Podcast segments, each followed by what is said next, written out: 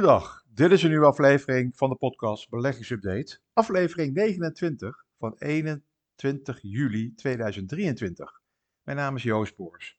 Nou, elke week een kort overzicht over de beurs. Beleggen, aandelen, nieuws, vermogensopbouw, alles bespreek ik. Ook een praktijkcasus. Met deze week het verband tussen de Dow Jones en de Dow Jones Transportation Index. Nou, het is echt een zomerbeurs. En je hebt bedrijfscijfers. De omzetten dalen. Er zijn al heel veel mensen op vakantie waarschijnlijk. Maar de koersen blijven redelijk goed liggen. Uh, de eerste cijfers van de Amerikaanse banken waren uh, nou best redelijk. Het enige wat speelt is dat de Amerikaanse banken alvast voorsorteren op de verslechtering van de kredietportefeuille.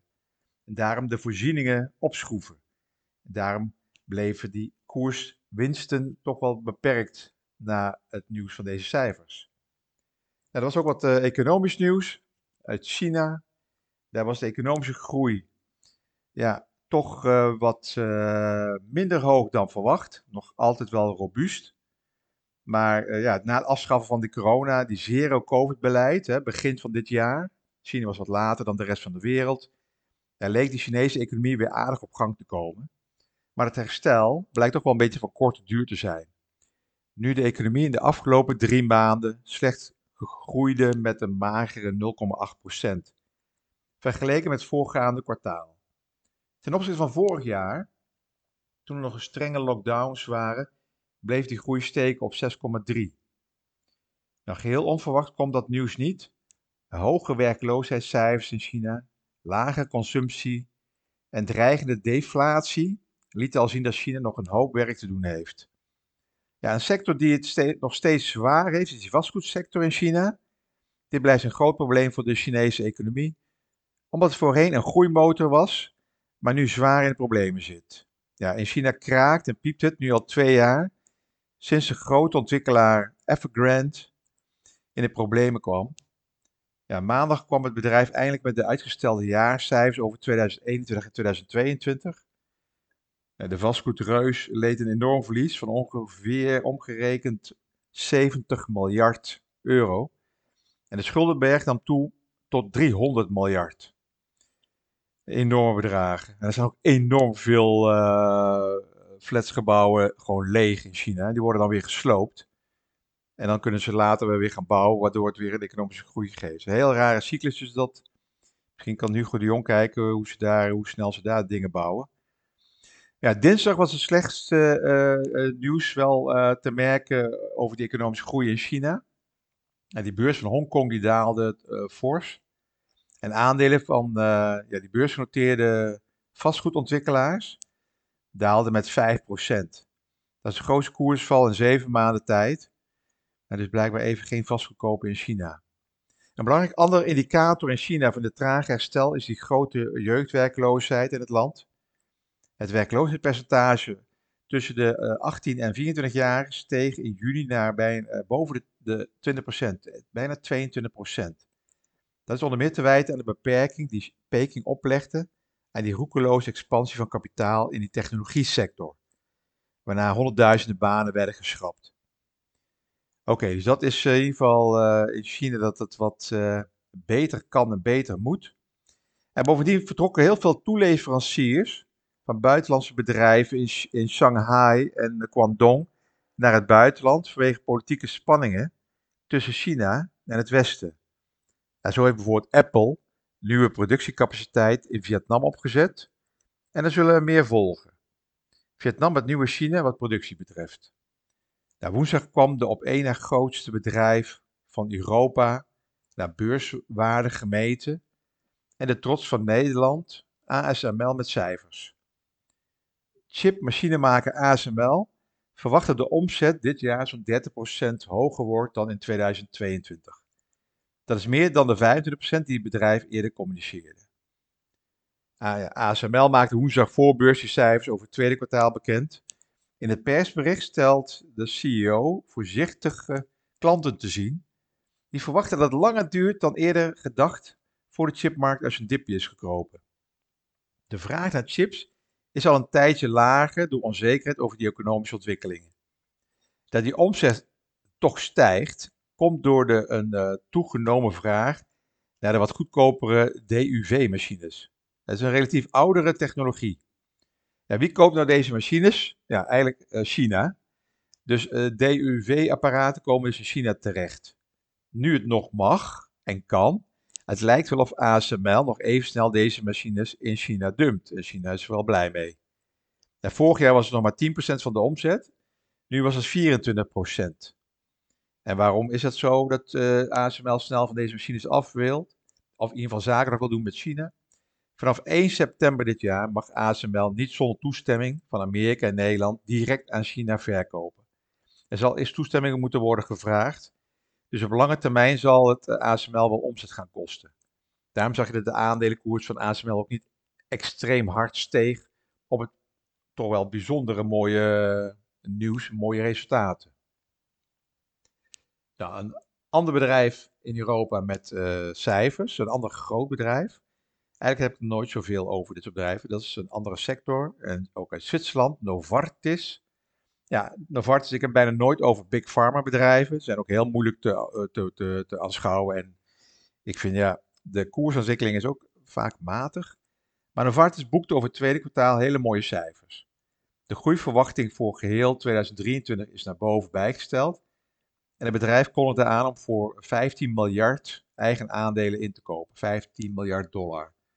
De bedrijven hebben enorme kaststroom, heel veel geld. Dus uh, nou ja, dan gaan we maar aandelen kopen. In plaats van uh, research doen naar nieuwe medicaties. De koers heeft de laatste vijf jaar echter weinig vreugde gebracht. Daarom snap ik wel dat ze wat aandelen gaan inkopen. Want ze willen wel die koers een beetje, uh, de aandeelhouder, iets wat meer vreugde brengen. Ja, ondanks al die miljarden winsten, zag je die koers, uh, ja, Hey, misschien moet je kijken, als die, als die koers een, paar weken flink daalt, dan kan je ze weer oppakken en dan, ja, als ze weer wat gestegen zijn, weer wegdoen. Dat was eigenlijk de visie van de laatste 5, 6 jaar. Het dividendrendement is circa 3,5%. Maar je loopt wel wat uh, valutarisico als je in dollars of in Zwitserse frankjes koopt. Je kan ook beter kijken naar zo'n healthcare index tracker. Als je interesse hebt in deze specifieke sector. Je hebt bijvoorbeeld de Amundi MSCI Europe Healthcare ETF. Of Lexor Stocks Europe 600 Healthcare. Eh, deze hebben het relatief goed gedaan de laatste 10 jaar. Een gematigde stijging, omdat het natuurlijk een veel bredere spreiding is en ook heel wat kleinere bio uh, healthcare bedrijfjes zitten. In Amerika hebben we nu even een heel andere situatie gaande analisten houden daar allerlei theorieën en historische verbanden bij. Dat doen ze op allerlei fronten. Maar die, die, die, financiële analisten en die uh, strategen in Amerika hebben allerlei anomalieën en historische dingen die ze bijhouden. Uh, en dan trekken ze ook allemaal conclusies uit. Dus dan visie naar de toekomst. Zo ook het verband tussen de Dow Jones en de Dow Jones Transportation Index. Nou, de afgelopen weken stijgt die Dow Transportation Index flink. Dit jaar is stijging hè, vanaf januari ongeveer 20%, terwijl de Dow Jones nog maar 5% gestegen is. Oké, even een stukje historie en, uh, en over deze beursmythe.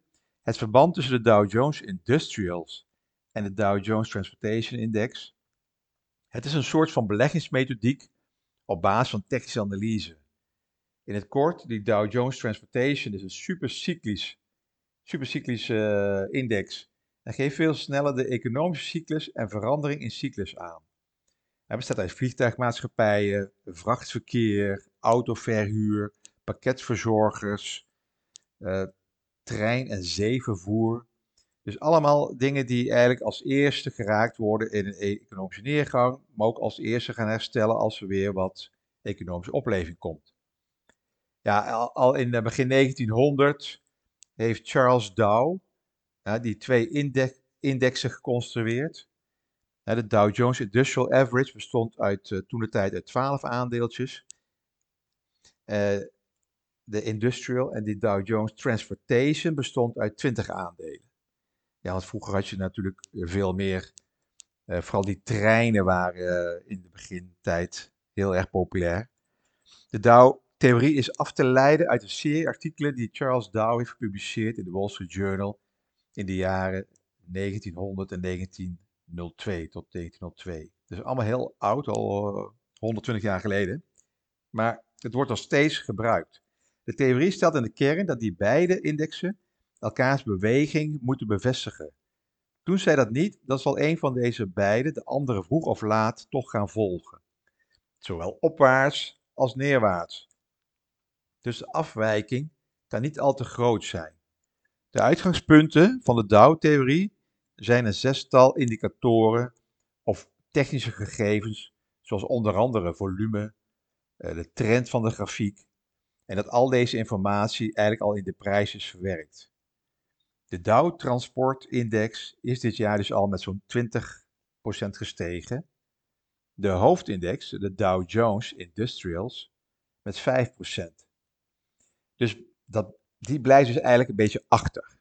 Vanaf het dieptepunt vorig jaar rond de 12.000 punten is die Transportation Index gestegen naar 16.400 nu. Deze twee indexen lopen vaak wel gelijk op. Door angst voor economische recessie en rentestijging werd natuurlijk die transportsector, hè, luchtvaart, vrachtverkeer, scheepvaart, treinverkeer, harder geraakt dan andere sectoren zoals voeding of technologie en banken. Dus de daling was dan ook fors en week sterk af van de Dow Jones.